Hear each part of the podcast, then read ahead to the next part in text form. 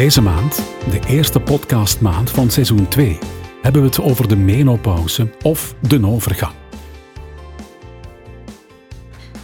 Hoi Elise, super welkom in deze bruut eerlijke podcast waarin we gaan praten over de menopauze en over hoe vrouwen dit beleven.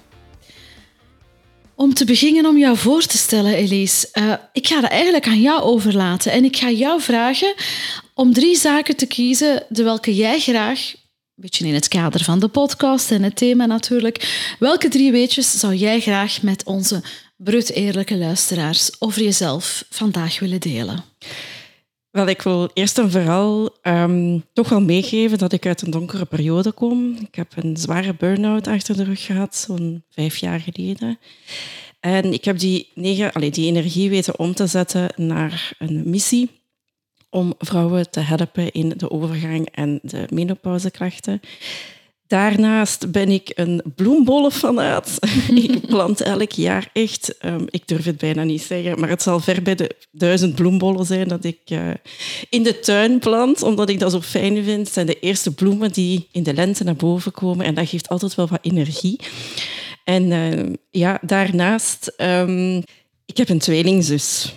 En dat weten eigenlijk niet veel mensen. Als wij ergens samenkomen, dan zien ze wel dat wij zussen zijn. We zijn ongeveer even groot, maar we, we lijken echt niet op elkaar. Hè. Dus het zijn echt twee, um, twee aparte individuen eigenlijk, toevallig samen, um, allee, of nog met vijf minuten verschil geboren. Maar jullie zijn al een twee-eigen? Een twee-eigen ja. tweeling. Ja. En eigenlijk is dat wel... Um, dat is heel fijn geweest. En nu nog, want er zijn momenten, we lijken niet echt op elkaar, ook verschillend qua karakter, uh, verschillende jobs.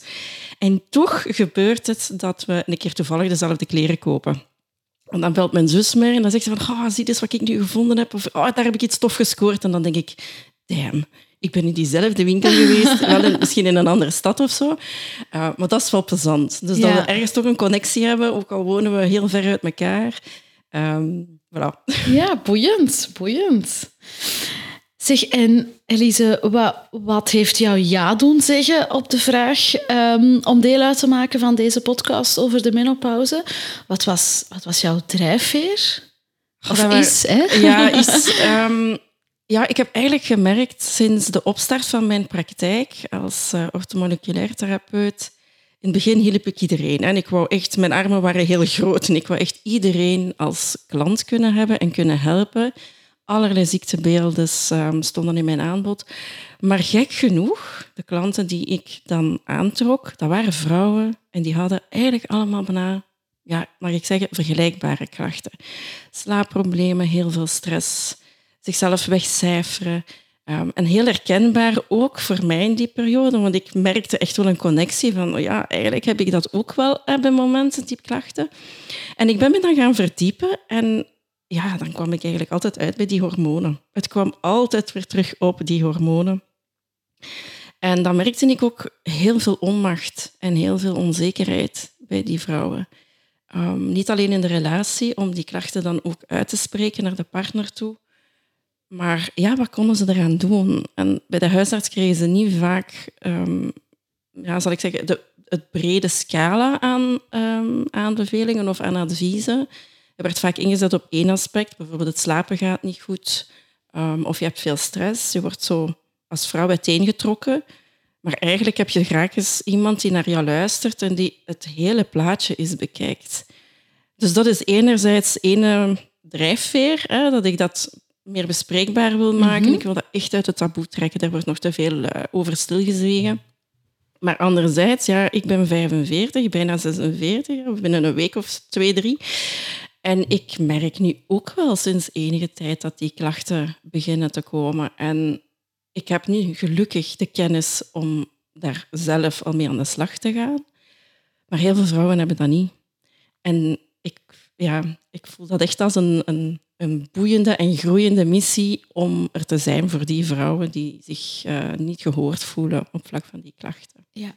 Dus als ik het goed begrijp, was je er eigenlijk professioneel al mee bezig, voordat je eigenlijk merkte van oh, ik voel hier bij mezelf dat ik zelf ook in zo'n verhaal um, mij wat begin te bevinden. Ja, ja. inderdaad. Ja. Zeg, en kan je hier wat meer over vertellen? Wat doe je exact rond vrouwen in de menopauze momenteel? En je hebt het kort al even, maar kan je wat, wat meer vertellen? Wel, ik, ehm, ik wil er eigenlijk zijn als compagnon de route. Ik vind dat mhm. eigenlijk de leuke benaming, omdat uh, ik wil niet aan de zijlijn staan, toekijken hoe iemand klachten heeft. Um, ik wil echt met die persoon in gesprek gaan. En dan vanuit het ortomoleculaire is dat een heel sterk gegeven dat de hele tijdlijn wordt opgemaakt van wat is er allemaal aan jouw klachten vooraf gegaan. En dat gaat heel ver. Hè? Dat gaat zelfs tot voordat jij geboren bent. Om te kijken met welke voorprogrammatie uh, ben je eigenlijk op de wereld gekomen. En wat heeft er dan toe geleid dat jij al die klachten hebt, um, dat jij al die klachten ondervindt. En ja, gaandeweg merkte ik wel van dat ik me goed voelde bij die hormonale klachten, want dat gaat wel heel breed. En we denken vaak aan de overgangsklachten en de menopauzeklachten, maar hormonen zitten echt wel in een breder scala dan enkel rond die voortplanting of rond um, die wisseling in uh, die overgang en menopauze. Um, dus wat ik concreet doe, is eerst en vooral luisteren naar vrouwen. Mhm. Ik merk dat daar heel veel nood aan is. Een keer, dat ze hun ei een keer kwijt kunnen bij mij. Uh, en dan ga ik dieper in op welke klachten dat ze allemaal hebben. Um, en dan ja, vertrek ik altijd vanuit voeding. Dat is zo onderschat wat dat voeding met een vrouwenlichaam kan doen als je de juiste voeding eet. Ja. En dan vul ik aan met leefstijladviezen, dus beweging, hoe je slaapt, je bioritme, stress zit er uiteraard ook in. Dat evalueren we samen en ik zoek dan naar de quick wins die de persoon zelf ziet zitten. Dus het is een, een deel kennis meegeven en dan linken met uh, praktische adviezen. Elise, wat mij opvalt, um, jij maakt hier daarnet, maar ook daar straks toen we eventjes aan, uh, aan het babbelen waren, maak jij wat een onderscheid tussen de woorden overgang en menopauze. Heb ik dat fout begrepen of is dat bewust dat jij die twee woorden toch wat apart gebruikt? Ja, ik gebruik die ook apart in de mhm. praktijk, omdat die worden heel vaak op een hoop gegooid. En menopauzeklachten um, en overgangsklachten, ze kunnen gelijkaardig zijn, maar er is echt wel een groot verschil. De overgang is echt de periode waarin een vrouw nog een cyclus heeft, mogelijk nog vruchtbaar is. Die daalt wel, die vruchtbaarheid. Dus er is nog een cyclus, er is nog een menstruatie. Maar de hormonen, vooral het oestrogeen en progesteron, die worden grilliger. En dan, als een vrouw één jaar niet gemenstrueerd heeft, dan spreekt men pas van menopauze. Dat woord vind ik zelf een beetje verkeerd gekozen, omdat daar zo het woordje pauze in zit. Mhm. Ehm, ik heb ook al in de praktijk de vraag gehad van, ja, is het een pauze? Wordt dat dan ongedaan gemaakt? Komt er dan een moment dat ik toch terug... Is het even een dipje waar we door moeten? Uh, dus dat is misschien wel ongelukkig gekozen, het woord um, pauze daarin. Uh, maar nee, het is onherroepelijk. Dus als je één jaar niet gemenstrueerd hebt, dan zit je effectief in je menopauze. En dan heb je dus de periode na die menopauze, dat is de postmenopauze. Dus ik vermeld het ook zo, je, hebt, je kan vanaf pakt 35, 38, 40 plus, kan je overgangsklachten hebben. Dan spreken we dus van de klachten terwijl je nog een menstruatie hebt. Heb je een jaar niet gemenstrueerd, dan zit je in je menopauze. Dat is het verschil. Ah, oké. Ja. Mag ik vragen waar jij je momenteel bevindt? Wel, ik uh, zit met 45, 46, zit ik pal in de overgang. Ja. ja. Dus je ervaart een aantal um, schommelingen, grilligheden, hoe zei je het daarnet, maar je bent nog niet echt, echt, echt in de menopauze. Heb ik dat dan nee, dat zo goed geïnterpreteerd? Ja. En, en waaraan merk je dat? Wat, wat maakt dat je zegt op basis daarvan denk ik dat ik in die overgangsfase zit. Ik heb vooral heel veel um, verschil gemerkt het laatste jaar, denk ik wel. Um, vooral naar vermoeidheid. Echt dagen dat het niet lukt, dat mijn hoofd ook niet mee wil. Dat ik denk van heb ik dementie of jong dementie. Um, dat het, het onthouden verloopt heel moeilijk soms. En dan ja, het zweten. Uh, opvliegers niet echt, maar voornamelijk het excessief zweten. Dat is hetgeen dat bij mij echt de kop op is uh, beginnen opsteken. En af en toe slaap, dat uh, heel korte nachten.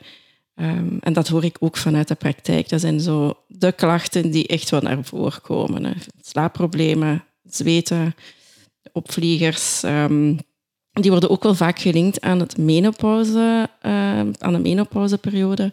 Ehm, maar die overgang kan nog een allerlei andere scala aan klachten geven. Hè. Migraine en hoofdpijnen is ook één dat er heel vaak in zit. Daar heb ik zelf geen last van, gelukkig.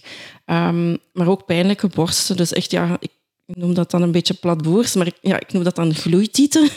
Omdat dat, dat echt het gevoel ook weergeeft. Hè. Het is een bonkend gevoel in de borsten. Dat is echt niet prettig. En ehm, ja, het neemt ook wel heel je lichaam over. Hè. Het zijn zowel de fysieke klachten die je kan hebben, maar ook dan die mentale klachten. Dus het is wel wat hè, voor, eh, voor de vrouwen. Ja, bij deze ineens een heel nieuw eh, concept, een heel nieuw woord gelanceerd. Gloeitieten. Ik, Ja. ik ga het onthouden. ik vind het wel mooi, eh, mooi gevonden, maar inderdaad, door het zo'n beetje in beeldtaal te omschrijven, ja, kan je het inderdaad wel duidelijk maken aan mensen van, ah ja, zo voelt dat dan ongeveer. Oké.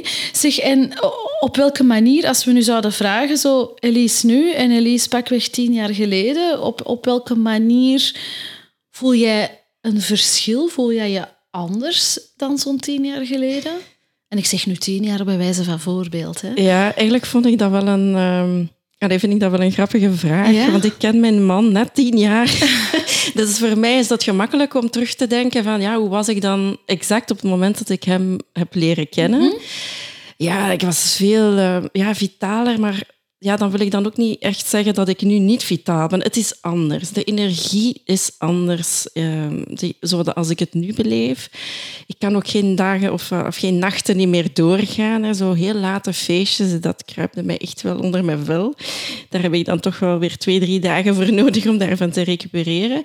En dan is het puur op de vermoeidheid. Hè. Ik heb het niet over, ik drink dan veel alcohol of zo, maar het is echt puur die vermoeidheid dat ehm, dat niet meer zo gemakkelijk doorgaat. Ehm, en daarnaast, ja, lichamelijk is er ook veel veranderd. Ehm, ik zeg, ja, tien jaar geleden, tien kilo minder. Dus ja, die kilo's die blijven er wel eh, gaandeweg aan plakken. Ehm, jammer genoeg. Ik weet ook wel wat dat er te doen valt om, eh, om dat op te vangen en om daar eh, meer zorg voor te dragen. Maar ja, het, het is en blijft een moeilijke als je niet altijd de oorzaak weet van waar komen de kilo's Ja. vandaan. Ja. Ja. Je hebt het over de kilo's. Nog andere fysieke veranderingen dat je zegt, dat voel ik toch wel Ja, echt mijn, eh, goh, mijn ogen zijn echt enorm droog. De laatste, de laatste zes maanden, de laatste jaar. Dat is ook een heel groot verschil. Ineens moet ik een leesbril dragen van plus, het? Plus twee of weet ik veel. eh. Dus er, ja, in één keer heb je zo het gevoel van, damn, ik word oud. Eh, terwijl dat je je van binnen nog wel sprankelend voelt. en je, wil ja, nog je veel wil, dingen zeggen, doen. Je wil nog wel, Ja. maar, maar En dat is, een heel, dat is ergens wel een conflict, ook intern. Ehm, je persoonlijkheid wil het nog.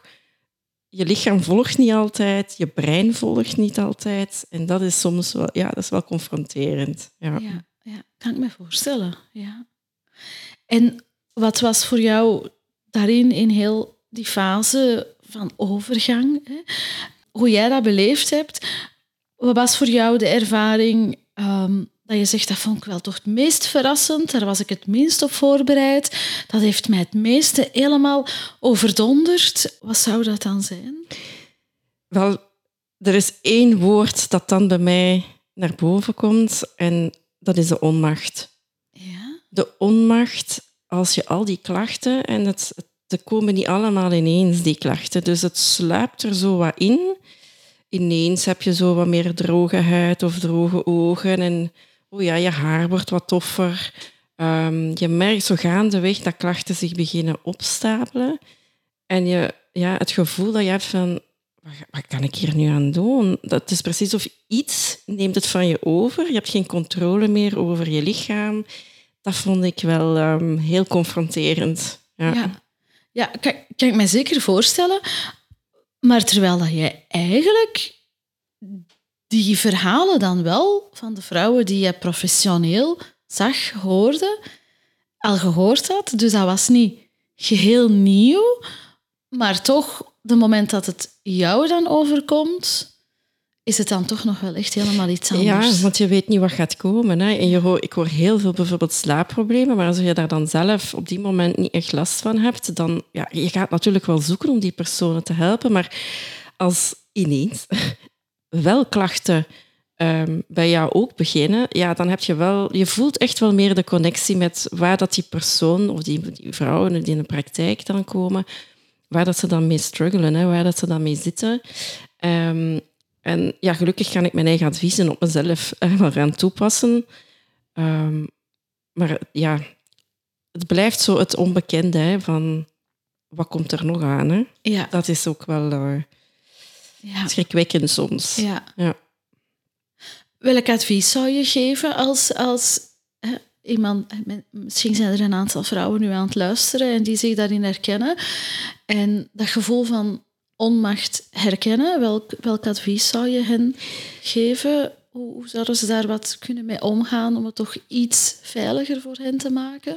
Ik denk sowieso, zoek ergens uw compagnon. Ik zeg niet dat ik dat moet zijn, maar zoek u iemand waar dat je een keer aan kan vertellen, kan aftoetsen. Uh, misschien heeft die persoon dezelfde klachten als jij. Heeft hij misschien tips kunnen toepassen dat geholpen hebben en die jou dan ook kunnen gaan helpen. Um, maar blijf er niet mee zitten. Ik vind dat er al genoeg onder de mat geveegd wordt rond heel die overgangen, die menopauze. Ja. Uh, er wordt zoveel van een vrouw verwacht. En ik merk het nu ook, ik ben 45, ik kan niet meer doen wat ik op mijn 20 deed. Of wat dat ik op mijn 30 deed. En het is oké. Okay. Ja. Het mag nu rustiger aangaan. En het mag nu zo zijn dat ik voor mezelf uh, momenten van zelfzorg inplan.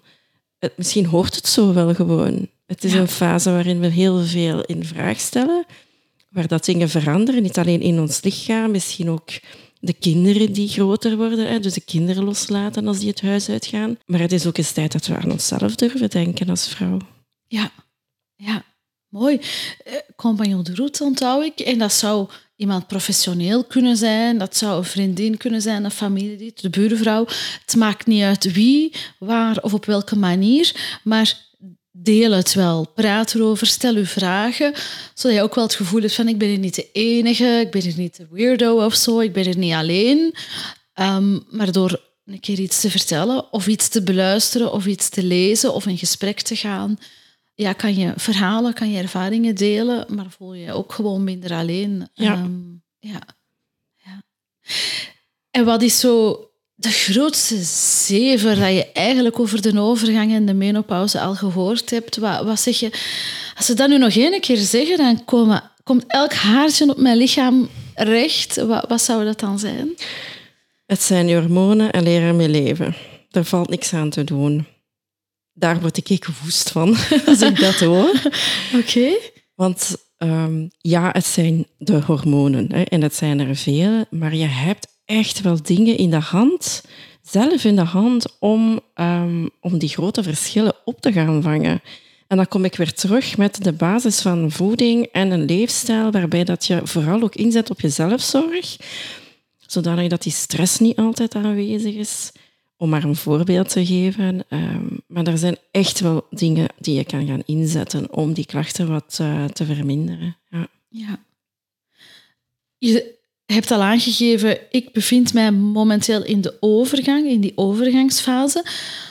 Wat mis jij nu eigenlijk een beetje het meeste? Wat, wat, wat, heb jij nodig en dat je om een of andere reden toch niet hebt of onvoldoende hebt? Wat, wat vind je toch nog wel een gemis, een hiaat? De kennis. Ik kan natuurlijk wel terugvallen op alle opleidingen dat ik zelf ben gaan zoeken en dat ik mezelf heb ja, soms wel doorgesparteld, want dat was ook niet altijd even makkelijk. Maar uh, ja, kennis, ik heb dat ook als spreuk ergens vermeld. Um, kennis is voor mij macht en voor een vrouw telt dat dubbel. Want okay. wij willen altijd op zoek gaan naar de antwoorden. Wij willen de oorzaken weten van klachten en wij willen daar ook wel iets aan doen. En als vrouwen die kennis kunnen meekrijgen, en het vertrouwen van, kijk, dit kan je eraan gaan doen, dan voelt een vrouw zich gesterkt en dan gaat ze daarmee aan de slag gaan. Daar ben ik van overtuigd. Ja. Wat was anderzijds toch al het meest helpende in, in het proces dat je al wat hebt afgelegd? Wat heeft jou het meeste geholpen? Um, Ja, ik val dan terug op de voeding die ik toch wel ben gaan aanpassen. Ja. Nu toch al ja, sinds mijn burn-out eigenlijk. Toen heb ik heel veel in vraag gesteld van... Oké, ik heb een energietekort, maar van waar moet die energie dan gaan komen? En logischerwijze komt die dan uit met voeding, enerzijds, want dat gaat in je lichaam. En dan kijken dat het op de juiste plaatsen terechtkomt.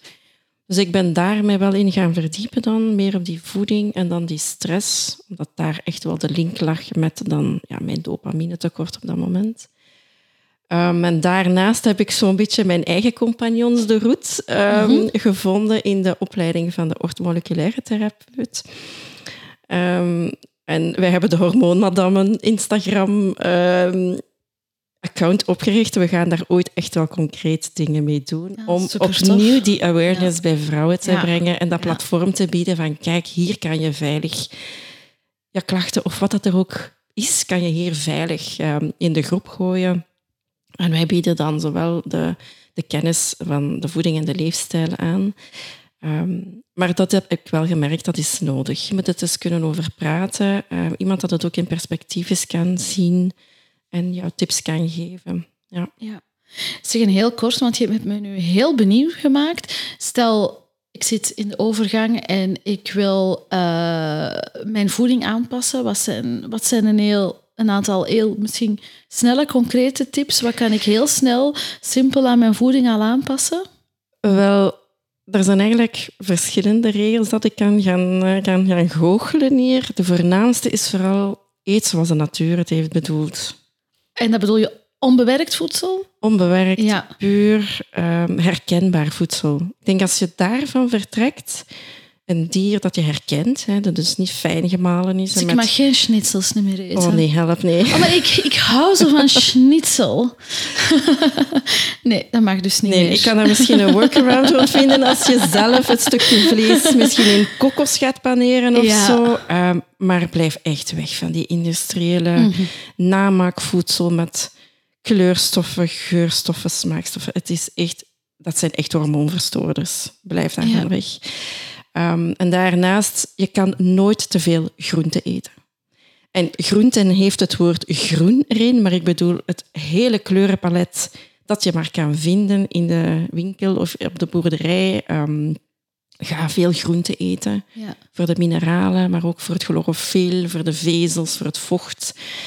Um, en dan is het enerzijds ook wat dat je wel gaat eten, maar dan ook wat dat je niet of minder gaat eten. Dus het is de balans daarin herstellen. Ga, ja, blijf dan weg van alle wat dat het industriële gedoe is en ga minder vaak eten. We eten gewoon veel te vaak doorheen de dag.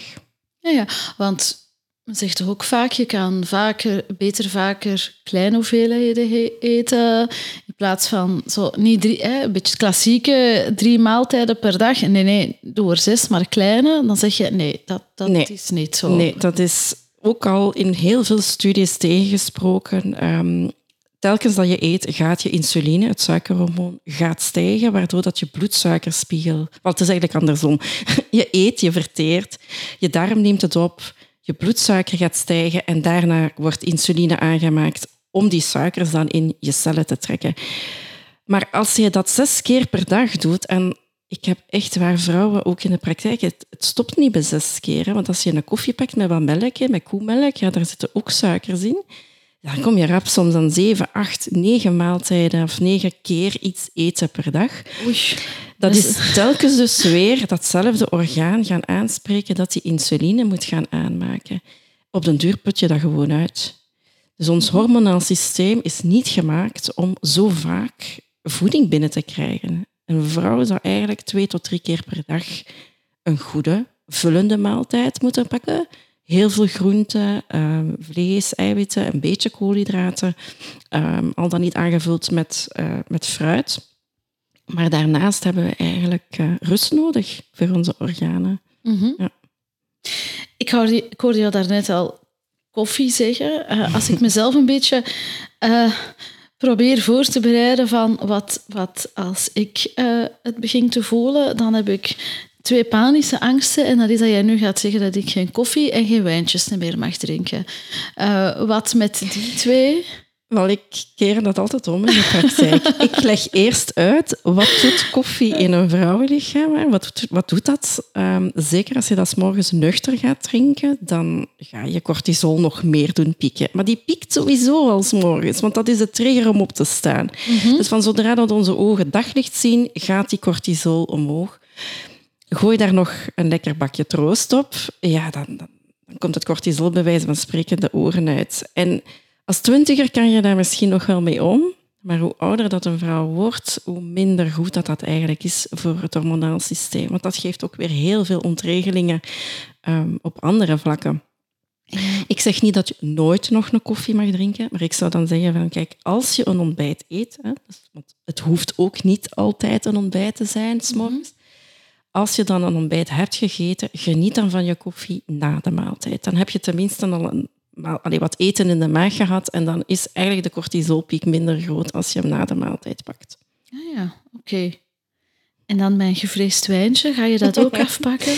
Nee, hè? Wel, ik ga iets... Ik zal jou een, een nieuwtje delen. Um, Eén wijntje stopt je vetverbranding voor drie dagen. Dus ik weet niet of je nu nog zin hebt in een wijntje, als je weet dat dat dan toch wel een vetverbranding drie dagen plat ligt, of de rem geeft af en toe, zeker, en moet kunnen. Hè? Um, ik ben ook niet van alle, niks mag nog. Uh, ik geniet ook zelfs graag van een rood wijntje dan. En dan heb ik toch nog een beetje de goede polyfenolen mee naar binnen. Is, is effectief ja, rode wijn, rood dan, dan? Ja, de kleur rood in de natuur bevat beschermstofjes, hè, de polyfenolen.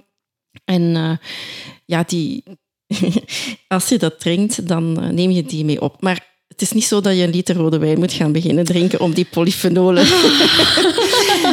maar af en toe een glas rood moet kunnen. Oké, dus ik ga vanaf nu mijn rozeetjes aan de kant schuiven en ik ga op rood overschakelen. Nu ja, de winter komt eraan, dus ik, ik kan ermee leven. Hè. um, goed. Um, Welke woorden, tips, adviezen vind je het belangrijkste om mee te geven aan elke vrouw die, die denkt of zich afvraagt of ze van zit ik nu in de overgang of nog niet? Ze weet het nog niet, maar ze stelt zich er vragen over van het zou kunnen. Wat zou je haar kunnen adviseren?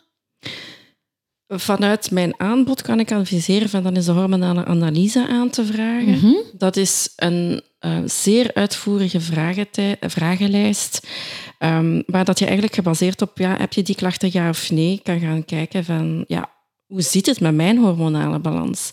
Dat is niet alleen gelinkt naar overgang of menopauze, dat gaat veel breder.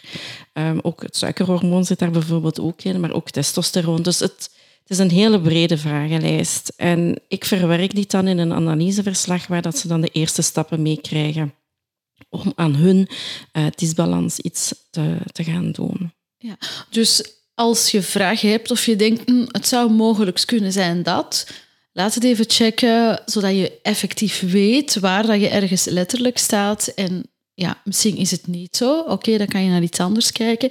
Is het wel zo, dan weet je het ook en dan kan je ook gepast gaan reageren. Ja. Ja, oké.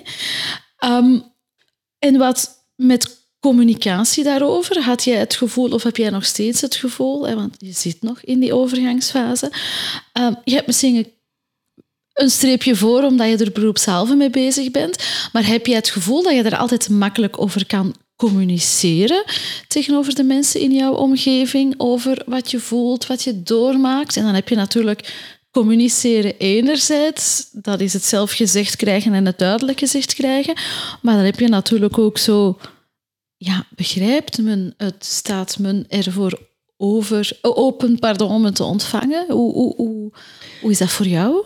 Um, ik merk wel, zo bijvoorbeeld in mijn dichte nabijheid, zus, schoonzus, dan kan ik daar heel vrij over praten. En die zijn ook heel um, nieuwsgierig hè, naar, mm ah ja, en welke tips heb je daar dan voor? Um, dus daar merk ik wel van, oké, okay, dat stroomt daar wel als er vragen komen.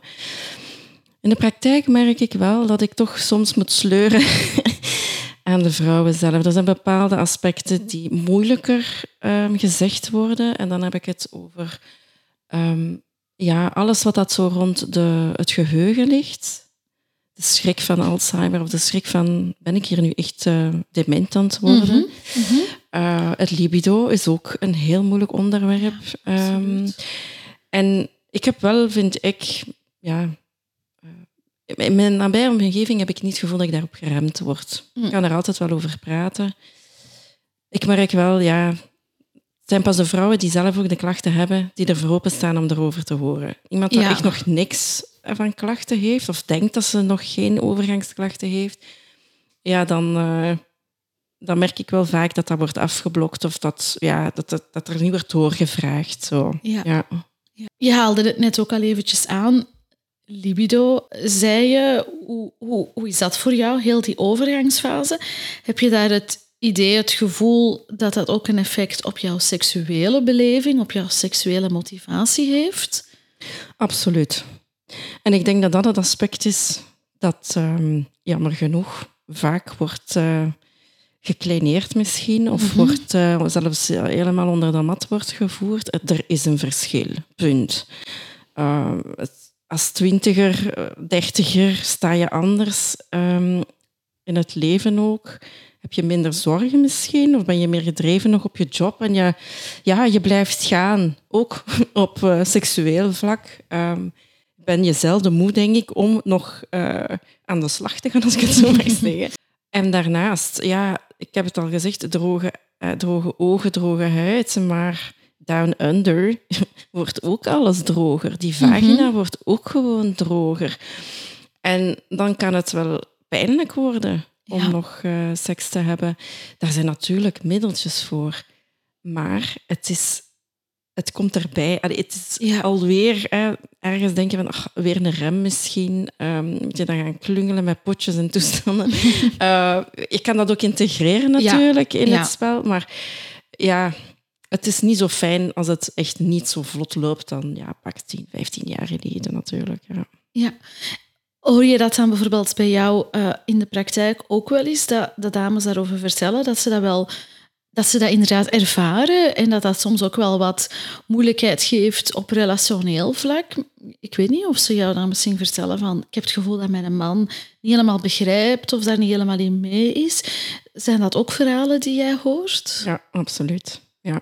En ik durf bijna zeggen bij elke vrouw dat ik in de praktijk heb die dat probleem aangeeft, het is enerzijds de onzekerheid dat het bij zichzelf geeft, maar dan ook ja, die partner, ja, die kan blijven presteren natuurlijk. Hè. Een man heeft geen... Uh, die kan wel een penopauze uh, ervaren, maar de, uh, de impact op de man is veel lager, hormonaal gezien, dan wat dat een vrouw doormaakt.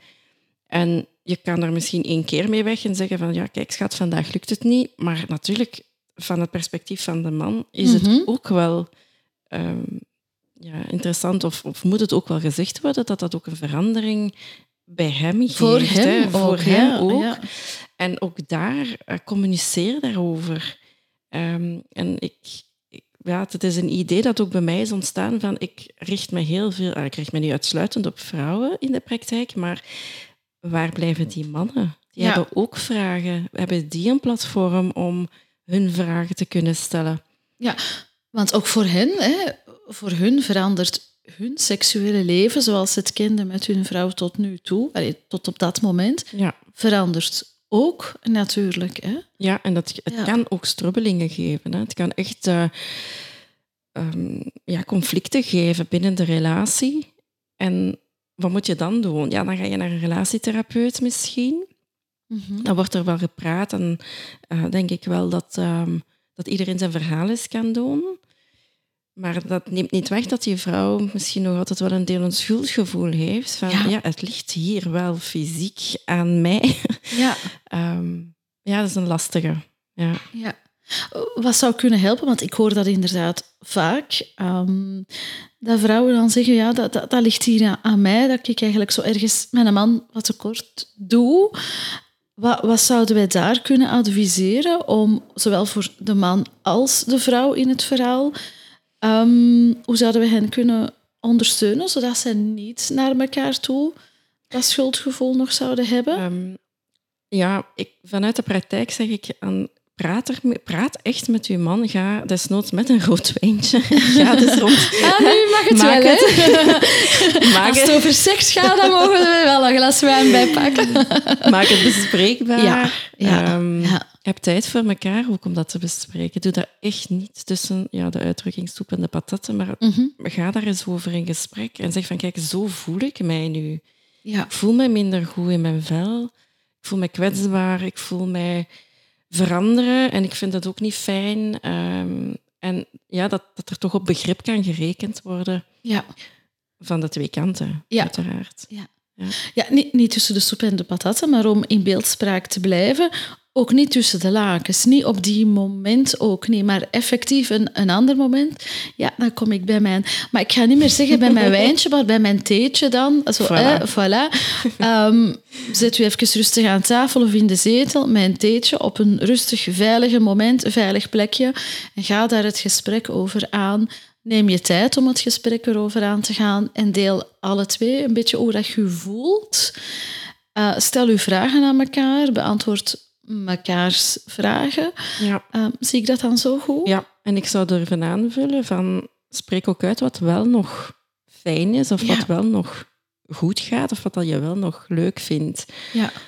Als dat niet gebeurt, ja, dan blijft iedereen met zijn verwachtingspatroon zitten en dan creëert je misschien nog meer frustratie. Ja.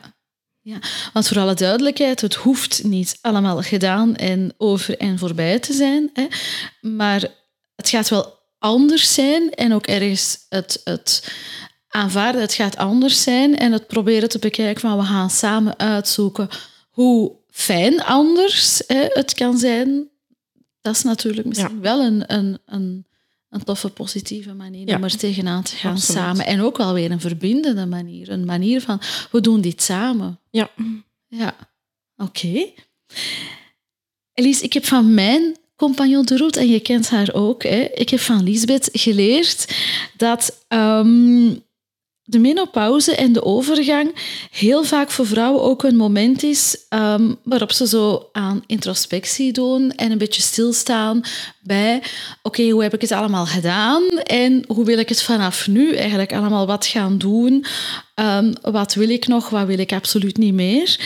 Ehm, hoe is dat voor jou? Hoe zie jij jezelf? Hoe zie jij je de komende tien jaar? Welke keuzes wil jij graag voor jezelf de komende tien jaar? En ik zeg nu tien, hè, om er iets op te plakken.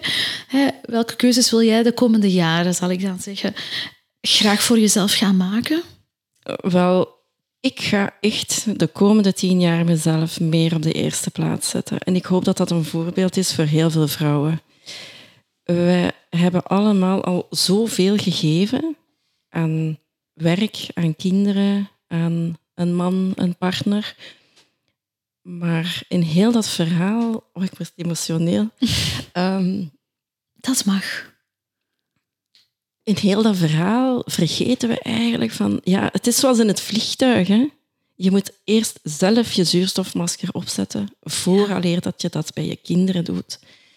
Of bij je man, maakt niet uit. Ehm, maar ik denk dat dat voor de komende tien jaar... Ik wil echt niet opnieuw in een burn-out belanden. Dat was echt een heel donkere periode. Ehm, ik heb dat weten omkeren wel, gelukkig. Maar het heeft mij ook wel doen inzien van... Je bent echt te ver gegaan. Je, je bent over je eigen grenzen gegaan. Anderen zijn over jouw grens ook kunnen gaan. Vanaf nu niet meer. En als dat betekent dat ik dus bijvoorbeeld in mijn agenda de ochtenden een uur of twee vrij maak, omdat ik absoluut wil gaan wandelen, dat geeft mij rust, dat geeft mij energie doorheen de dag. En ik heb dat nodig. Mijn stresssysteem om uit te zetten heeft dat nodig. Dan ga ik dat vanaf nu gewoon doen. Punt. En dan vind je mij terug in de velden, rond Tildonk of langs de vaart, ehm, in een bos. En dat is echt nodig. Jezelf eh, dat gunnen, dat jezelf zorg is zo belangrijk. Want je moet wel nog een tijdje mee kunnen. En daarnaast, ehm, professioneel wil ik eh, met Hoyo echt eh, de vlag neerpoten van hier ben je veilig. Hier ben je veilig als vrouw om je verhaal te komen doen. Ik luister met heel veel liefde, met heel veel begrip. Ehm, ik breng je klachten in kaart en ik zoek voor jou naar de oplossingen eh, om die klachten te verminderen. Ja, oké, mooi. Hier vind je jouw mogelijke compagnon de route. Ja. Ja. Wat wil je graag dat er anders is of wordt voor de komende generatie vrouwen wat betreft de menopauze, de overgang? Wat, wat zou je, je je dochter, je nicht, je jongere zus, je jonge, jongere buurmeisje, ik weet niet hè, wie, wat zou je hen toe, toewensen in de toekomst als, als zij de leeftijd bereiken waarop ze ook mogelijk in de overgang komen? Wel, enerzijds de, de kennis daar rond, dat dat mee wordt geïntegreerd, zowel in het schoolgebeuren um, als bij de huisartsen, als uh, ja, overal waar dat vrouwen komen uiteindelijk. Um, ik merk dat ik daar echt heel weinig over wist mm -hmm. voordat ik aan mijn opleidingen begon. We krijgen wel mee van, je hebt ooit een cyclus en nooit stopt dat. Maar heel die fases daartussen, daar wordt eigenlijk niet over gepraat. En wat is een normale cyclus? Wordt ook niet over gepraat. Dus dat vind ik heel jammer, dat het heel beperkt wordt meegegeven in de biologielessen, uh, in de natuurwetenschappenlessen, of hoe heet het ook vandaag. Daar denk ik dat wel nog uh, verbetering op mogelijk is. Um, en anderzijds ja, dat er aanspreekpunten zijn. Als je vragen hebt, dat je weet bij wie kan ik hier terecht.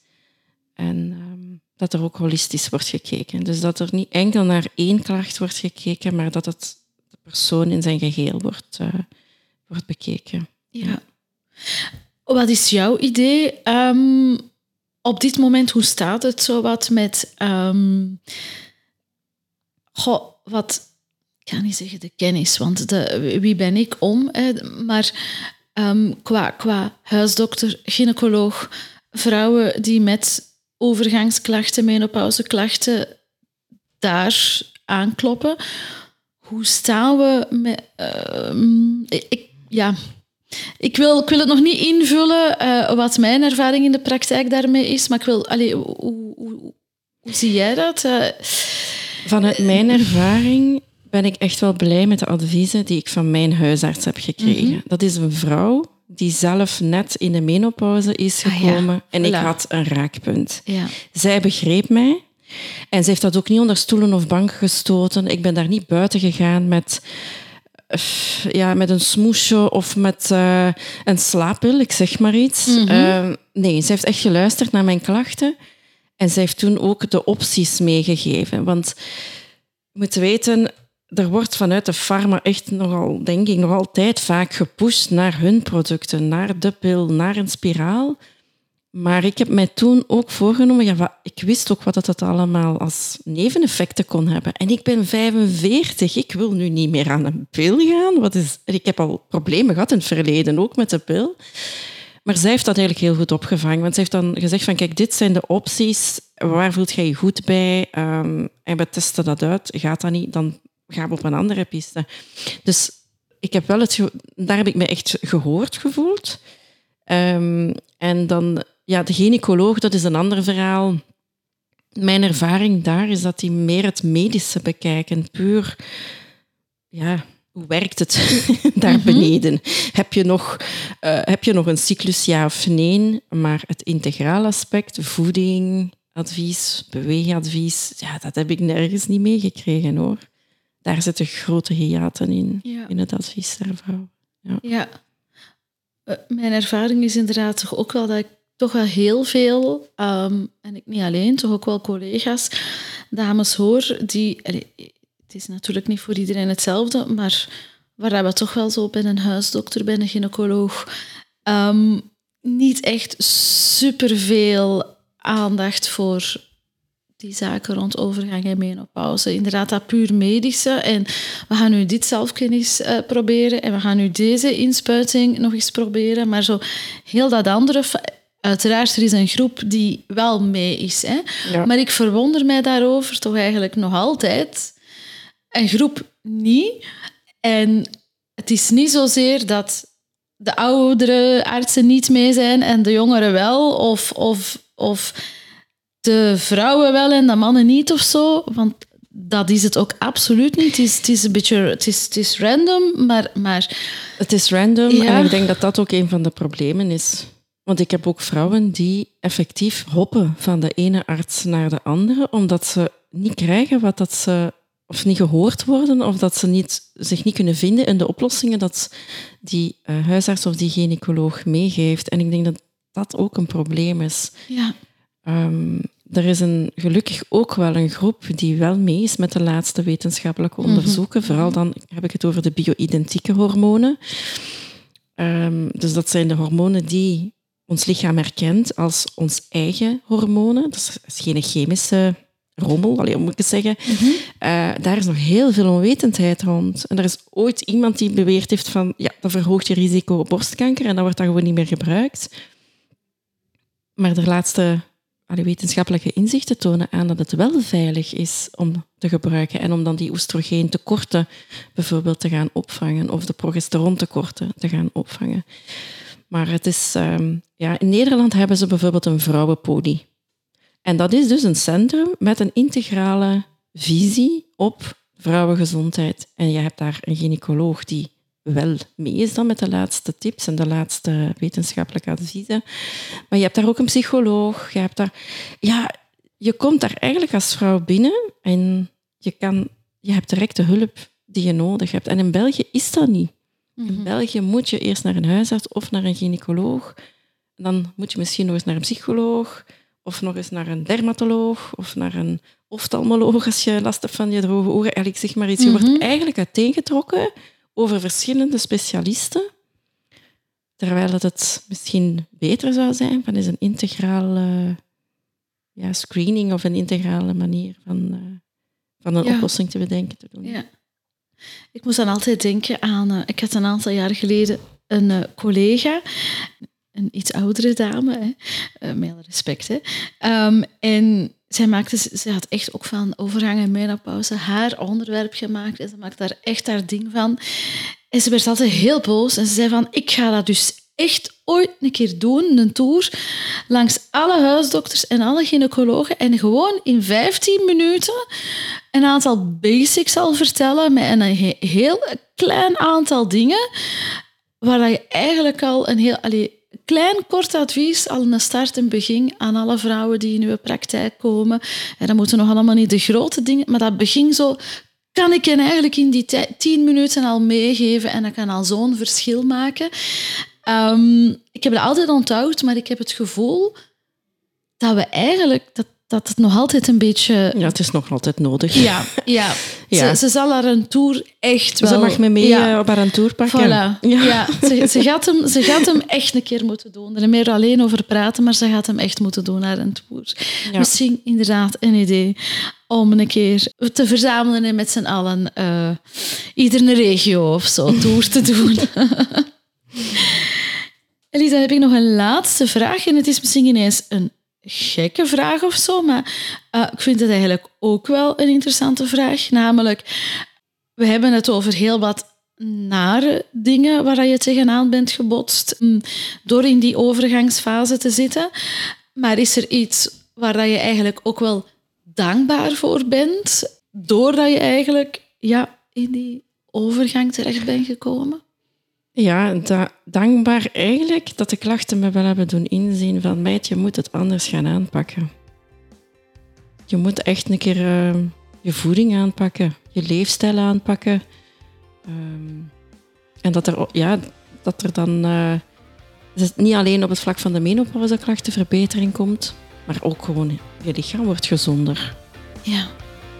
Ja. En dat is uiteindelijk uh, een mooi cadeau voor de komende, niet tien jaar, maar misschien de komende veertig jaar ja. of meer.